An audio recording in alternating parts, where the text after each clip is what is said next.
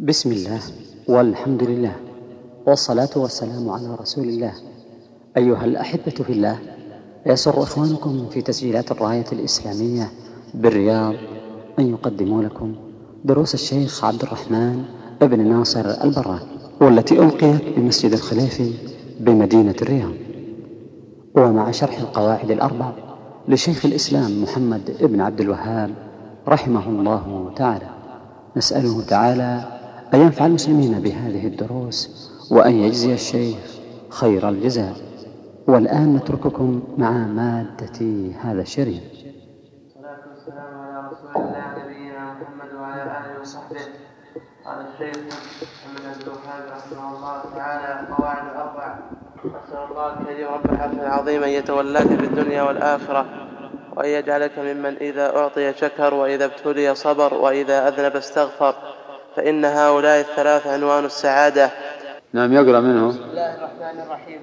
قال قال المؤلف رحمنا الله وإياه أسأل الله الكريم رب العرش العظيم أن يتولاك في الدنيا والآخرة وأن يجعلك مباركا أينما كنت وأن يجعلك ممن إذا أعطي شكر وإذا ابتلي صبر وإذا أذنب استغفر فإن هؤلاء الثلاث عنوان السعادة. الحمد لله وصلى الله وسلم وبارك على عبده ورسوله. هذه رسالة معروفة بالقواعد الأربع. كما صرح الشيخ بذلك ذكر أربع قواعد سيأتي ذكر. افتتح الشيخ بعد البسملة بسم الله الرحمن الرحيم افتتح بالدعاء لطالب العلم كما هي عادة في افتتاح افتتاح الدروس اعلم رحمك الله اعلم أرشدك الله. هنا يقول أسأل الله الكريم. رب العرش العظيم. توجه إلى الله وتوسل بأسمائه وصفاته بكرمه. أسأل الله الكريم. هذا فيه توسل إلى الله بكرمه. وربوبيته للعرش الذي هو أعظم المخلوقات وأعلى المخلوقات. العرش عرش الرحمن. العرش العظيم. وهو المجيد وهو العرش الكريم. وصف بهذا كله. وصف بالكرم والعظمة والمجد. أسأل الله الكريم رب العرش العظيم أن يتولاك في الدنيا والآخرة. يعني أن يكون الله وليك. ومن كان الله وليه في الدنيا والآخرة كفاه الله الشرور في الدنيا والآخرة. نعم المولى ونعم النصير. والله تعالى ولي ولي المؤمنين. فمن كان الله وليه فهو من المؤمنين. وقال يوسف عليه السلام رب قد آتيتني من الملك وعلمتني من تأويل الأحاديث. فاطر السماوات والأرض. أنت وليي في الدنيا والآخرة. توفني مسلما وألحقني بالصالحين قال الشيخ رحمه الله في هذا الدعاء أنت وليي في الدنيا. يقول أن يتولاك في الدنيا. أن يتولاك في الدنيا. ومن تولاه الله تعالى أصلح له أموره ويسر أموره وكفاه ما يهمه. وقالت الملائكة تقول الملائكة للمؤمنين المستقيمين نحن أولياءكم في الدنيا والآخرة. إن الذين قالوا ربنا الله ثم استقاموا تتنزل عليهم الملائكة ألا تخافوا ولا تحزنوا وأبشروا بالجنة التي كنتم توعدون. نحن أولياؤكم في الحياة الدنيا وفي الآخرة.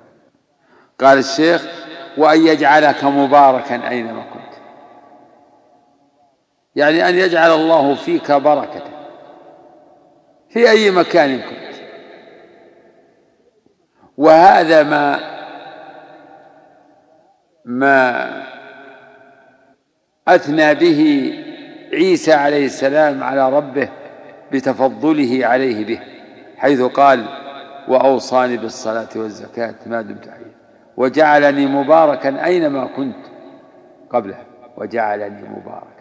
أينما كنت وهذا يتضمن الصلاح فالصالح المؤمن الصالح التقي يكون مباركا أينما مباركا على أهله مباركا على أصحابه مباركا أينما حل. لا يسمع منه إلا القول السديد ولا يحصل, منه إلا الإحسان فتجده ليس بطعان ولا لعان ولا فاحش ولا بذيء بل هو كريم الخصال كريم الأخلاق بعض الناس يكون والعياذ بالله شرا على جلسائه شرا على أهله بسوء أعماله وقبيح أقواله وأن يجعلك مباركا أينما قال وأن يجعلك ممن إذا أعطي شكر وإذا ابتلي صبر وإذا أذنب استغفر. الإنسان يتقلب في هذه الحياة بين هذه الأمور بين نعمة ومصيبة وذنب. والنعمة تشمل الطاعة أيضا بل إن نعمة الإيمان والطاعة لله أعظم من النعم الدنيوية. وعلى المسلم في كل هذه الأحوال عليه واجب. فواجب المكلف إزاء النعم الشكر يشكرها. واجب العبد في مقابل النعم الشكر. وواجبه عند المصيبة الصبر. وواجبه عند اقتراف الذنب التوبة. والاستغفار. قال الله سبحانه وتعالى والذين إذا فعلوا فاحشة أو ظلموا أنفسهم ذكروا الله فاستغفروا لذنوبهم ومن يغفر الذنوب إلا الله. هذا يتضمن قول الشيخ وإذا أذنب استغفر. وإذا أذنب استغفر. وقال صلى الله عليه وسلم عجبا لأمر المؤمن لا يقضي الله له قضاء إلا كان خيرا. إن أصابته سراء شكر. وإن أصابته ضراء صبر فكان خيرا. وليس ذلك إلا للمؤمن. فالشيخ يدعو بهذه الدعوات المباركة. وأن يجعلك ممن إذا أعطي يعني إذا أعطاه الله نعمة من النعم شكر موليها واستعملها في طاعته سبحانه وتعالى. وإذا ابتلي بمصيبة صبر. وحبس لسانه وجوارحه عن فعل ما لا يحل. وإذا أذنب استغفر. وهذه الأمور كلها. الله أمر بالشكر وأثنى على الشاكرين. وأمر بالصبر وأثنى على الصابرين وأمر بالاستغفار وأثنى على المستغفرين. قال الشيخ فإن هؤلاء الثلاث عنوان السعادة. إي والله من كان كذلك من كان قائما بالواجب عليه في كل هذه الأحوال كان ذلك عنوان على سعادته وتوفيق الله له. فكن أيها المسلم ويا طالب العلم كن كذلك كن شاكرا. صابرا توابا منيبا. فما أحسن هذه الدعوات الطيبة من الشيخ لطالب العلم. أسأل الله الكريم رب العرش العظيم أن يتولاك في الدنيا والآخرة وأن يجعلك ممن وأن يجعلك مباركا. أينما كنت يجعلك ممن إذا أعطي شكر ابتلي الصبر وإذا أذن مستغفر إن هؤلاء الثلاث عنوان السعادة حسبك يا عبد الرحمن. نعم. بسم الله الرحمن الرحيم. والصلاة والسلام على رسول الله نبينا محمد وعلى آله وصحبه. قال الشيخ محمد عبد الوهاب رحمه الله تعالى اعلم أرشدك الله لطاعته أن الحنيفية ملة إبراهيم أن تعبد الله وحده مخلصا له الدين كما قال تعالى وما خلقت الجن والإنس إلا ليعبدون فإذا عرفت أن الله خلقك لعبادته فاعلم أن العبادة لا تسمى عبادة إلا مع التوحيد كما أن الصلاة لا تسمى صلاة إلا مع الطهارة. فإذا دخل الشرك في العبادة فسدت كالحدث إذا دخل في الط... كالحدث فسدت ولا أفسده؟ ثاني أفسدت زين. فسدت كالحدث إذا دخل كالحدث إذا دخل في الطهارة. فإذا, فإذا عرفت أن الشرك إذا خالط العبادة أفسدها وصار وأحبط العمل وصار صاحبه من الخالدين في النار. عرفت أن أهم ما عليك هو معرفة ذلك لعل الله يخلصك من هذه الشبكة وهي الشرك بالله الذي قال الله تعالى فيه إن الله لا يغفر أن يشرك به ويغفر ما دون ذلك لمن يشاء وذلك بمعرفة أربع قواعد قواعد ذكر الله تعالى في كتابه. انتهى. يقول الشيخ رحمه الله كعادته. يفتتح الموضوع بالتوجه إلى طالب العلم يقول اعلم تنبيها له وإرشادا له إلى العلم وتعليما في نفس الوقت. اعلم اعلم اعلم أرشدك الله. هذا كقوله فيما مضى وفقك يعني رحمك الله صدق الله يعني هداك الله ووفقك. وفقك للرشد وهو العلم النافع والعمل الصالح. أرشدك الله أن الحنيفية ملة إبراهيم. يعني الملة الحنيفية التي هي ملة إبراهيم هي أن تعبد الله مخلصا له أن تعبد الله. وهذا المعنى تقدم في الأصول الثلاثة الدرس الثالث. أن تعبد الله مخلصا له الدين. تعبده لا تريد بالعبادة سواه. تدين تدينك وذلك وخضوعك كلها لله. قل إني أمرت أن أعبد الله مخلصا له الدين. وأمرت لأن أكون أول المسلمين. قل الله أعبد مخلصا له دين هذه ملة إبراهيم وهذه هي الملة الحنيفية التي فيها فيها التوجه إلى الله والإعراض عما سواه. وهذه العبادة هي التي خلق الله الخلق أمر الله بها عباده وخلقهم لها كما قال تعالى يا أيها الناس اعبدوا ربكم قال تعالى وما خلقت الجن والإنس إلا ليعبدون. فبين سبحانه أنه خلق الجن والإنس لعبادته. هذه هي الغاية والحكمة من خلق الثقلين عبادته. وقد أمر الله بذلك جميع الناس على ألسن رسله. فكل نبي يقول لكم اعبدوا الله اعبدوا الله. ما لكم من الله غيره. اعبدوا الله واجتنبوا الطاغوت. يقول واعلم الشيخ ينبه على أمر مهم. واعلم أن العبادة لا تسمى عبادة إلا مع التوحيد. فمن عبد مع الله غيره لم يكن عابدا لله ولا يعتد بعبادته. العبادة لا تسمى عبادة إلا مع التوحيد مع الإخلاص إلا إلا إذا أفرد العبد ربه بالعبادة إلا إذا أفرد بالعبادة. يقول فإذا دخل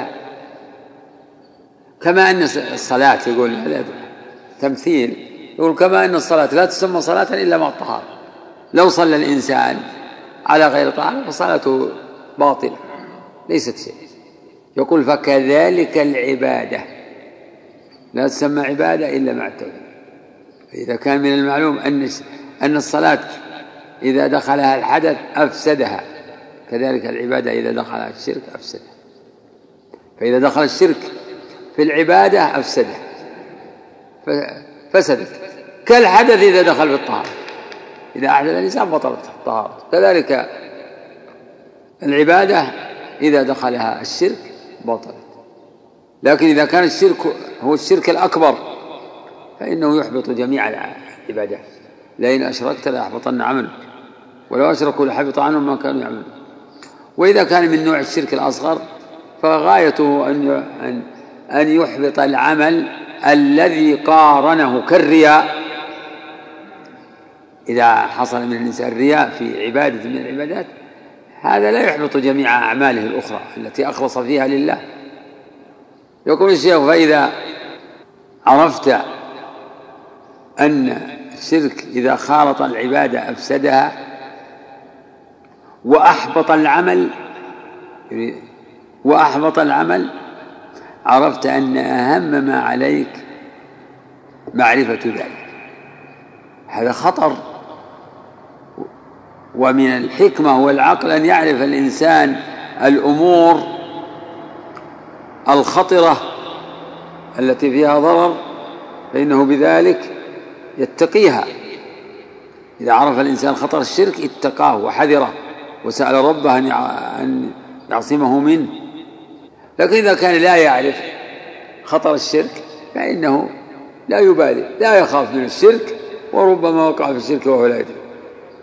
كان أهم ما عليك معرفة ذلك لعل الله أن يخلصك من هذه الشبكة. شبكة كأنها مصيدة. الشرك كان مصيدة من وقع فيه؟ يعني هلك. كالطائر إذا وقع في الشبكة. لعل, لعل الله أن يخلصك من هذه الشبكة. ثم فسره وقال وهي الشرك بالله. الذي قال الله فيه إن الله لا يغفر أن يشرك به ويغفر ما دون ذلك. وهذا هو الشرك الأكبر. الشرك الأكبر يتميز بثلاث خصائص. أولا أنه لا يغفر لهذه الآية. فهو لا يغفر. والثاني أنه موجب للخلود في النار. والثالث أنه يحبط جميع الأعمال لهذه النصوص. إن الله لا يغفر أن يشرك به ويغفر ما دون ذلك لمن يشاء. قال سبحانه وتعالى إنه من يشرك بالله فقد حرم الله عليه الجنة. إن الذين كفروا من أهل الكتاب والمشركين في نار جهنم خالدين فيها. أولئك هم شر البرية. قال سبحانه وتعالى ولقد أوحينا إليك وإلى الذين من قبلك ولقد إيش؟ وإلى الذين من قبلك لئن أشركت ليحبطن عملك ولتكونن من الخاسرين.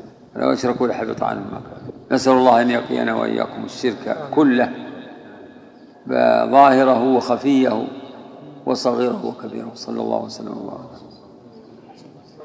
نعم.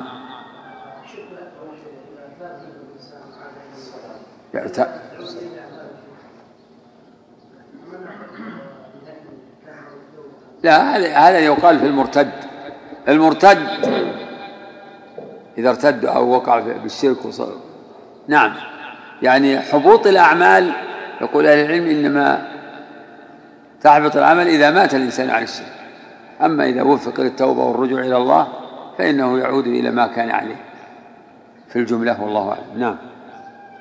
لقوله تعالى ولا يزالون يقاتلونكم حتى يردوكم عن دينكم إن استطاعوا. ومن يرتد منكم عن دينه فيمت وهو كافر. فأولئك حبطت أعمالهم في الدنيا والآخرة وأولئك أصحاب النار هم فيها خالدون. نعم يا عبد الرحمن. نبينا محمد وعلى آله وصحبه. أما بعد قال المصنف رحمه الله تعالى القاعدة الأولى هو أن تعلم هو أن تعلم أن الكفار الذين الذين قاتلهم رسول الله صلى الله عليه وسلم يقرون بأن الله تعالى هو هو الخالق المدبر وأن ذلك لم يدخلهم في الإسلام. والدليل قوله تعالى قل من يرزقكم من السماء والأرض أمن يملك السمع والأبصار ومن يخرج الحي من الميت ويخرج الميت من الحي ومن يدبر الأمر فسيقولون الله فقل أفلا تتقون. القاعدة الثانية أنهم يقولون ما دعوناهم وتوجهنا أنهم يقولون ما دعوناهم وتوجهنا إليهم إلا لطلب القربة والشفاعة. فدليل القربة قوله تعالى والذين اتخذوا من دونه, من دونه أولياء ما نعبدهم إلا ليقربونا إلى الله زلفى. ودليل الشفاعة قوله تعالى ويعبدون من دون الله ما لا يضرهم ولا ينفعهم ويقولون هؤلاء شفعاؤنا عند الله. يقول الإمام رحمه الله قال وهذا يتبين بأربع قواعد. يعني يتبين خطر الشرك ووجوب التخلص منه والحذر.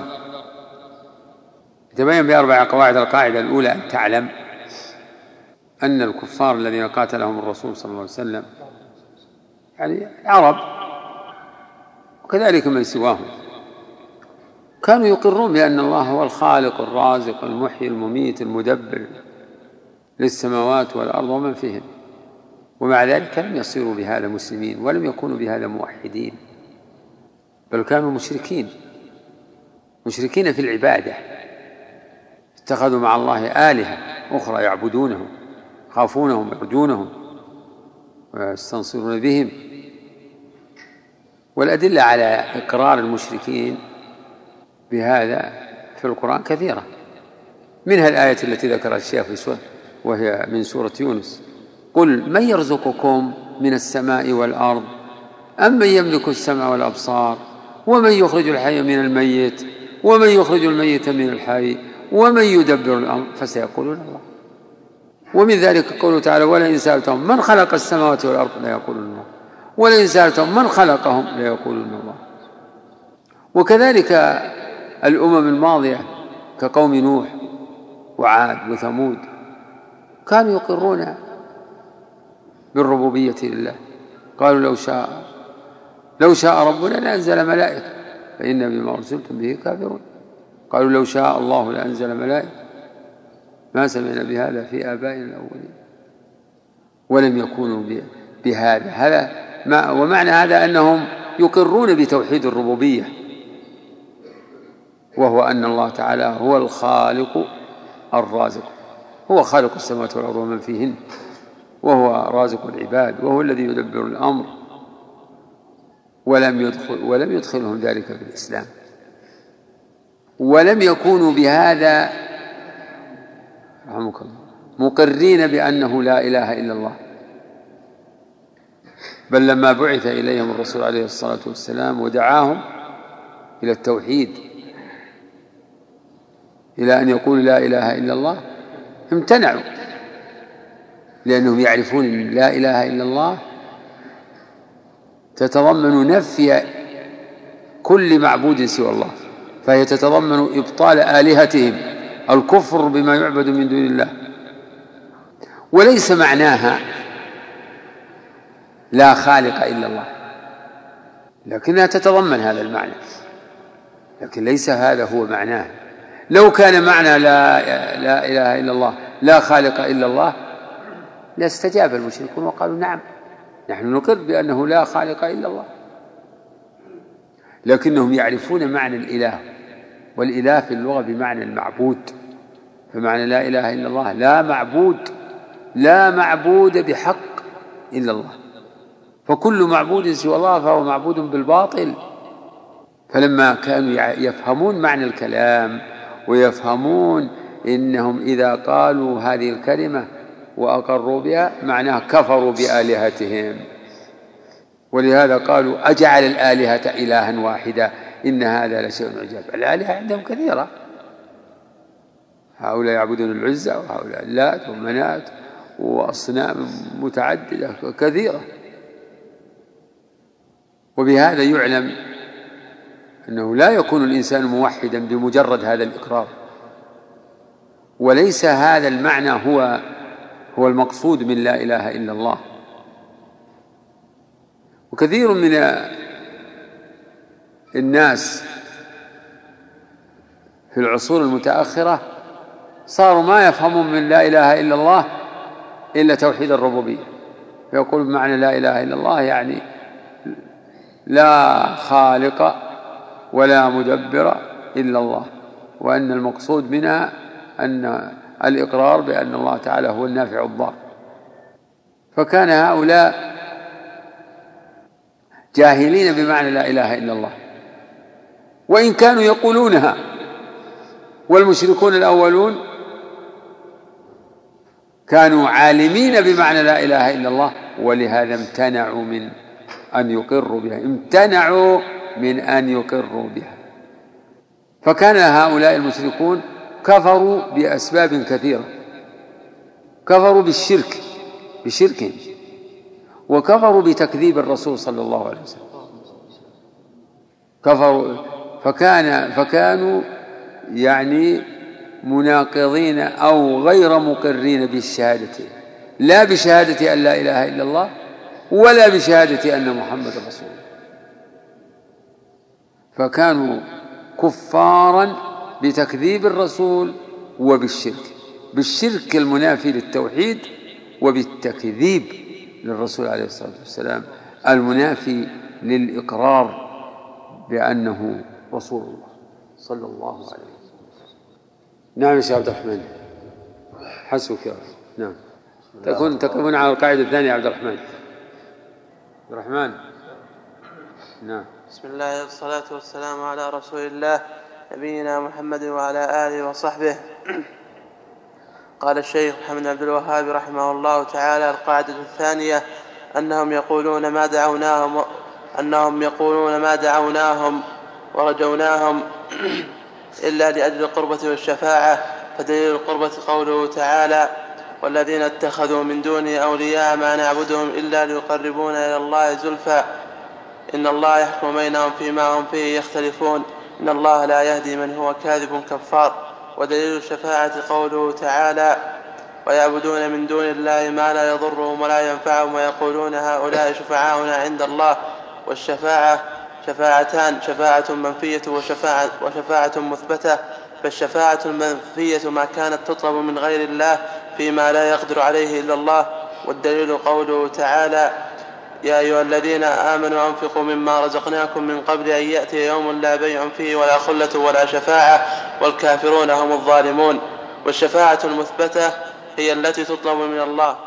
والشافع مكرم بالشفاعة والمشفوع له من رضي الله قوله وعمله بعد الإذن. كما قال تعالى من ذا الذي يشفع عنده إلا بإذنه. يقول الشيخ القاعدة الثانية قلت لكم إن هذه أشبه أن تكون مسائل.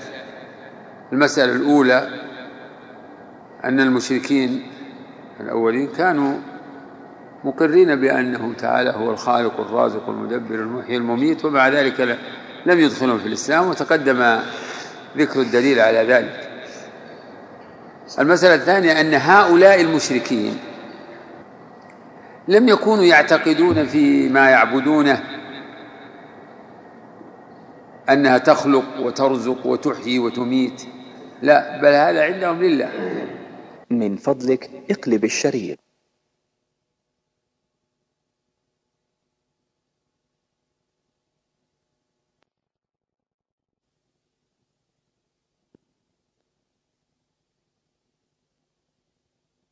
لا بل هذا عندهم لله. قل من يرزقكم من السماء والأرض أم من يملك السماء والأبصار؟ الآية ولئن سألتهم من خلقهم ليقولون الله. يعبدون من دون الله ما لا يملك لهم رزقا من السماوات والأرض شيئا ولا يستطيعون. وإنما كانوا يعبدون ما يعبدونه زاعمين أنها تقربهم إلى الله. إنها وسائط. يتخذون ما يعبدونه وسائط. يشبهون يقولون إن إن الله تعالى لا يوصل إليه إلا بواسطة أوليائه والمقربين منه وأنبيائه وملائكته. كالملك من البشر الذي إنما يرفع حوائج الناس إليه إنما هم خاصته. وأعوانه ووزراء. تعالى الله عن قول المفترين علوا كبيرا وهم يزعمون أنهم إنما عبدوهم ليقربوهم من أجل القربة ومن أجل أن يشفعوا لهم عند الله. وذكر الشيخ الدليل على هذا. الأولى واتخذوا من دون الله والذين اتخذوا من دونه أولياء ما نعبدهم إلا ليقربونا إلى الله زلفى. هذا هو هذا هو الحامل لهم على عبادته ما نعبدهم إلا ليقربونا إلى الله زلفى. والدليل على أنهم أيضا يرجون شفاعتهم قوله تعالى ويعبدون من دون الله ما لا يضرهم ولا ينفعهم. ويقولون هؤلاء شفعاؤنا عندهم. إذا لم يعبدوهم لاعتقادهم أنهم شركاء لله في الربوبية لكنهم جعلوهم شركاء لله في الإلهية فعندهم الآلهة كثيرة كثيرة ولهذا قال النبي عليه الصلاة والسلام لرجل وهو حصين والد عمران بن حصين كم كم تعبد؟ قال واحد في سبعة واحد في السماء وستة في الأرض فعندهم الآلهة متعددة. لكن الخالق الرازق المدبر المحيي هو واحد. وبالمناسبة الشيخ يذكر أقسام الشفاعة. الشفاعة شفاعتان. شفاعة مثبتة دل القرآن على إثباتها. وشفاعة منفية. فنجد نجد هذا في القرآن. فالشفاعة المنفية هي التي تطلب من غير الله فيما لا يقدر عليه إلا الله وهي التي يعتقدها المشركون. فعندهم أن الشفاعة عند الله كالشفاعة عند المخلوق. فيعتقدون أن الأولياء والملائكة يشفعون عند الله كما يشفع وزير الملك عند الملك والصديق عند صديقه وقد نفى الله هذه الشفاعة. يا أيها الذين آمنوا أنفقوا مما رزقناكم من قبل أن يأتي يوم لا بيع فيه ولا خلة ولا شفاعة. يوم القيامة ما في شفاعة من هذا النوع. الشفاعة التي يظنها المشركون يظنها تكون بغير إذن الله هذه لا وجود لها. لكن هناك شفاعة. الرسول يشفع والملائكة يشفعون والأنبياء يشفعون والمؤمنون يشفعون. لكن بإذنه سبحانه. ولمن رضي عمله وهو وهم أهل التوحيد. قال تعالى وكم من ملك في السماوات لا تغني شفاعتهم شيئا إلا من بعد أن يأذن الله لمن يشاء ويرضى. قال تعالى ولا يشفعون إلا لمن ارتضى قال تعالى من ذا الذي يشفع عنده إلا بإذنه. معناه لا أحد يشفع عند الله إلا بإذنه حتى يأذن. ولهذا إذا طلبت الشفاعة من الرسول عليه الصلاة والسلام يقول فآتي فإذا رأيت ربي خررت له ساجدا لا يبدأ بالشفاعة أولا. فيسجد ويحمد ربه بمحامد يفتح بها عليه. فيقال له ارفع رأسك وقل يسمع وسل تعطى والشفاعة الشفاعة أما الشفاعة من الحي القادر بطلب الدعاء منه. فذلك جائز. قد كان الصحابة يطلبون من النبي عليه الصلاة والسلام أن يدعو لهم في مطالب الدنيا والآخرة أن يستسقي لهم أن يسأل أن يدعو لهم بالجنة. قال عكاشة بن محصن ادعو الله أن يجعلني منه في لفظ قال اللهم اجعله منه والمسلم إذا دعا لأخيه المسلم هو شافع. هو شافع يشفع لأخيه يستغفر له يسأل له صلاح دينه ودنياه. ربنا اغفر لنا ولوالدينا وللمؤمنين والمؤمنات.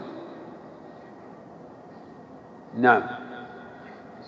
نعم يا شيخ عبد الرحمن. قول المسألة يعني الشهيد يشفع بعض من الناس يقول بما أن هذا شهيد فأنا سأسأله أن يشفع لي قبل أن يموت. قبل أن يموت؟ نعم. وما يدري وما يدري يقول مثلا هم ذاهبين للجهاد يقول إنه داخل المعركة يقول إن مت أنت فاشفع لي وإن مت أنا فأشفع لي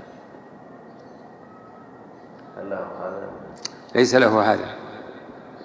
يشفع له قبل يموت كل يدعي. يشفع له قبل أن يموت. أما الشفاعة الأخروية فهذا فتلك ليست إليه. ليست إليه. لا يشفع الشهيد إلا بإذنه نعم. سبحان الله. هذا واقع يا شيخ. الله من من من الوساوس ومن الأفكار التي لم تستبصر. سبحان الله. يقول له هل وعد؟ ترى أقول المفروض يواعده يقول ترى بقابلك في المكان الفلاني. يدخل المعركة ما يقول خلاص إن مت أنت؟ فتشفع لي وإن مت أنا أشفع هذا من سذاجتها يعني بعضها. سذاجة جهالة. نعم.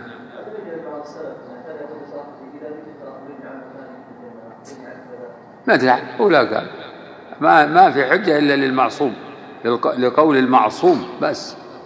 هذا اولا هات اولا يحتاج إلى إثبات هالحكايات نعم. حكايات ما يعول عليها نعم. بسم الله الرحمن الرحيم.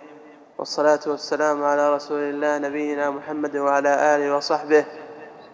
قال الإمام محمد عبد الوهاب رحمه الله تعالى القاعدة الثالثة أن النبي صلى الله عليه وسلم ظهر على أناس متفرقين في عباداتهم منهم من يعبد الملائكة ومنهم من يعبد الأنبياء والصالحين ومنهم من يعبد الأشجار والأحجار ومنهم من يعبد الشمس والقمر.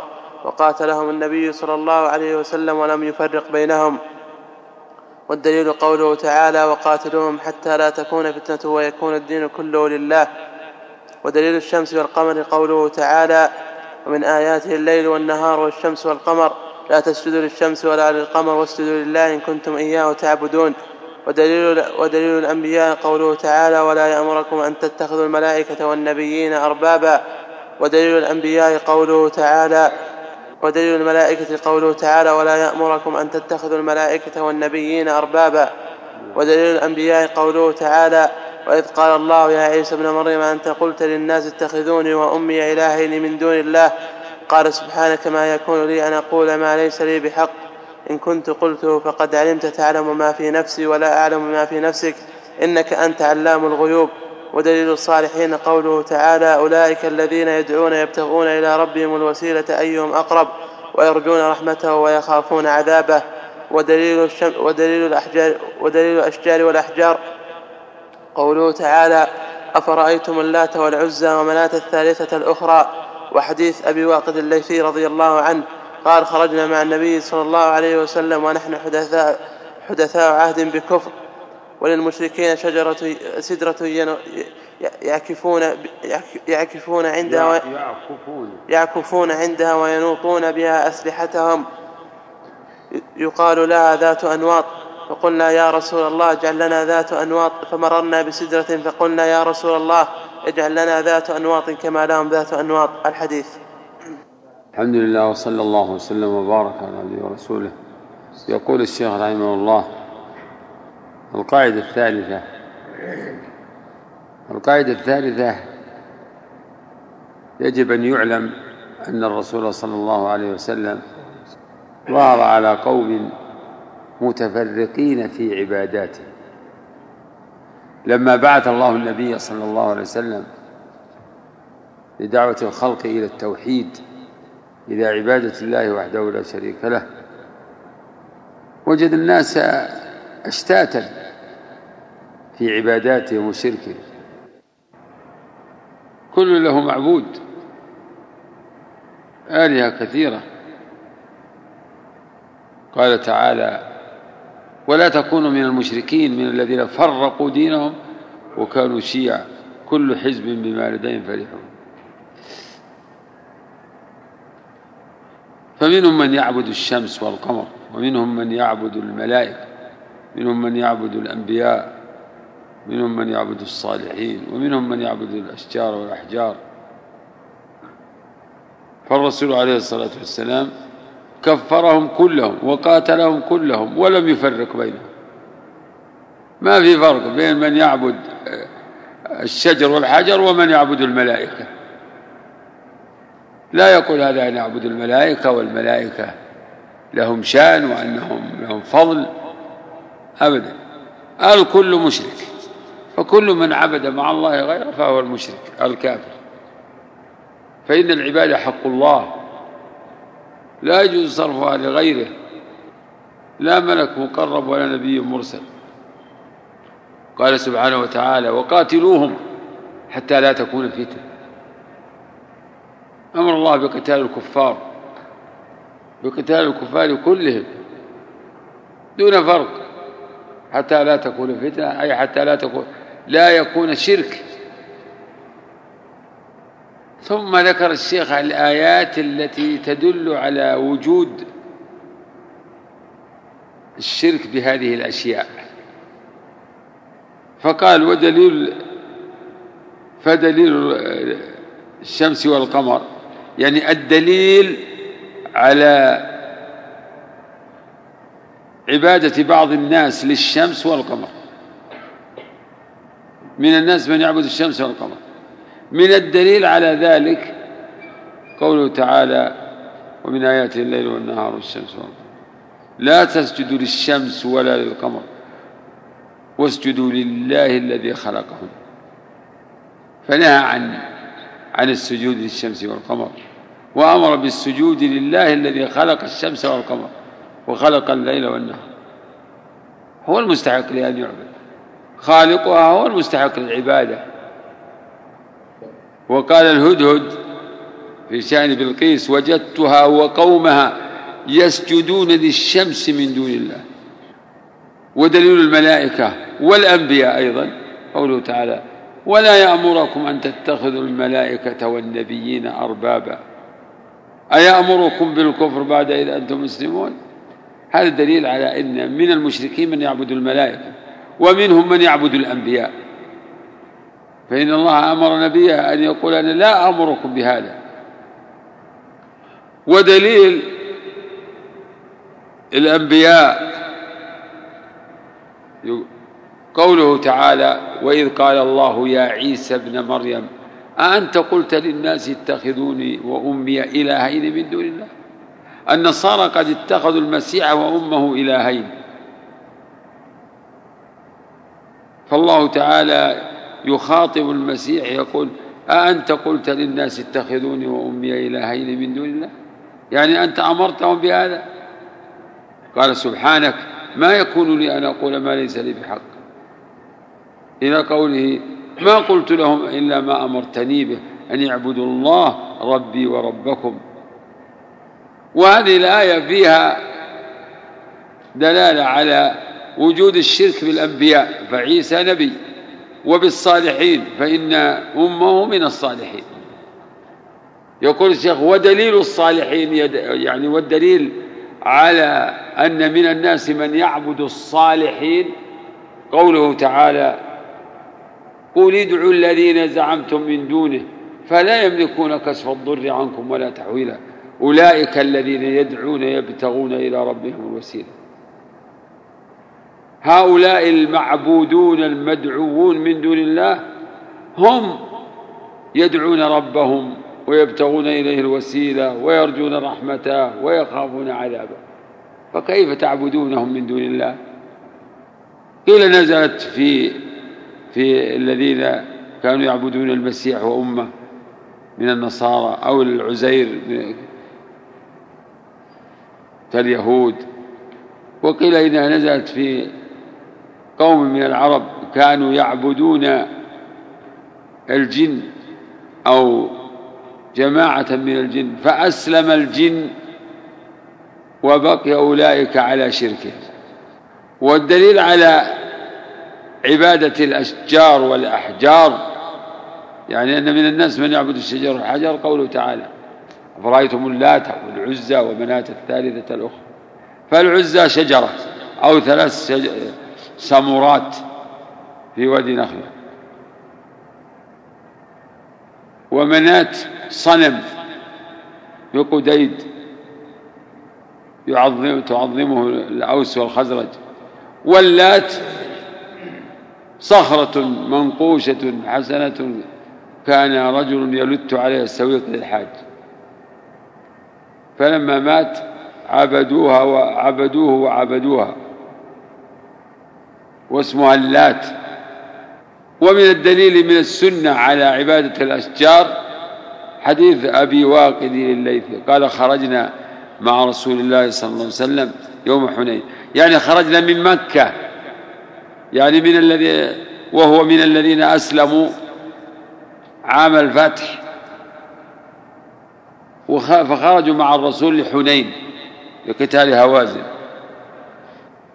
يقول ونحن حدثاء عهد بالكفر يعني عهدنا بالكفر قريب ما بعد فهمنا التوحيد. وللمشركين سدرة يعكفون عندها وينوطون بها أسلحتهم قال فمررنا بسدرة. فقلنا يا رسول الله اجعل لنا ذات أنواط كما له ذات أنواط. اجعل لنا سدرة نعلق بها أسلحتنا. النوط التعليق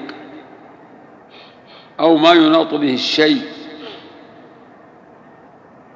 فقال عليه الصلاة والسلام الله أكبر إنها السنن. قلتم والذي نفسي بيده كما قالت بنو إسرائيل لموسى اجعل لنا إلها كما لهم آلهة. قال إنكم قوم تجهلون. إن هؤلاء متبر ما هم فيه وباطل ما كانوا يعملون. قال أغير الله أبغيكم إلها وفضلكم على العالمين. قال عليه الصلاة والسلام لتركبن سنن من كان قبلكم. فأنكر النبي عليه الصلاة والسلام قولتهم اجعل لنا ذات أنواط كما لهم ذات أنواط. يعني اجعل لنا سدرة نعلق بها أسلحتنا ونتبرك بها. وذلك لجهلهم وقرب عهدهم بالكفر. لم يتخلصوا من من جذوره وأصوله. ولكن الرسول عليه الصلاة والسلام يعني أغلظ لهم في الكلام لينزجروا ويحذروا ويعرفوا أن ذلك شرك وباطل. والله أعلم وصلى الله على نبينا بسم الله والصلاة والسلام على رسول الله نبينا محمد وعلى آله وصحبه. قال الشيخ محمد بن عبد الوهاب رحمه الله تعالى القاعدة الرابعة أن مشركي زماننا هذا أغلظ شركا من الأولين لأن الأولين يشركون في الرخاء ويخلصون في الشدة ومشركو زماننا شركهم دائم يشركون في الرخاء والشدة والدليل قوله تعالى فإذا ركبوا في الفلك دعوا الله مخلصين له الدين فلما نجاهم إلى البر إذا هم يشركون. تمت وصلى الله وسلم على نبينا محمد. يقول الشيخ رحمه الله قاعدة الرابعة أن مشركي أن المشركين الأولين أو أن مشركي زماننا أغلظ شركا من الأولين. معناه أن الشرك بعضه أغلظ من بعض وبعضه أقبح من بعض. الكفر هكذا أيضا يتفاوت. فالكفار بعضهم أكفر من بعض. الملاحدة الجاحدين أغلظ كفرا من المقرين بربوبيته سبحانه وتعالى وإن وإن كانوا مشركين. والذي يدعو إلى الكفر ويصد عن سبيل الله أغلظ كفرا من الذي اقتصر على نفسه وكفره قاصر على نفسه. أغلظ شركا من الأولين. شرك شرك مشركو زماننا أغلظ شركا فشركهم أقبح. يقول وجه ذلك أن الأولين كانوا يشركون في الرخاء في حال السعة والطمأنينة يلتفتون ويتوجهون لمعبوداتهم ولكنهم في الشدائد يخلصون. هذا هو الغالب عليهم وهذا هو الذي حكاه الله في القرآن في آيات كثيرة. فإذا ركبوا في الفلك دعوا الله مخلصين له الدين. حتى إذا ركبوا في الفلك وجرين بهم بريح طيبة جاءتها ريح عاصف وجاءهم الموج من كل مكان وظنوا أنه محيط بهم دعوا الله مخلصين له الدين. لئن أنجيتنا من هذه لنكونن من الشاكرين.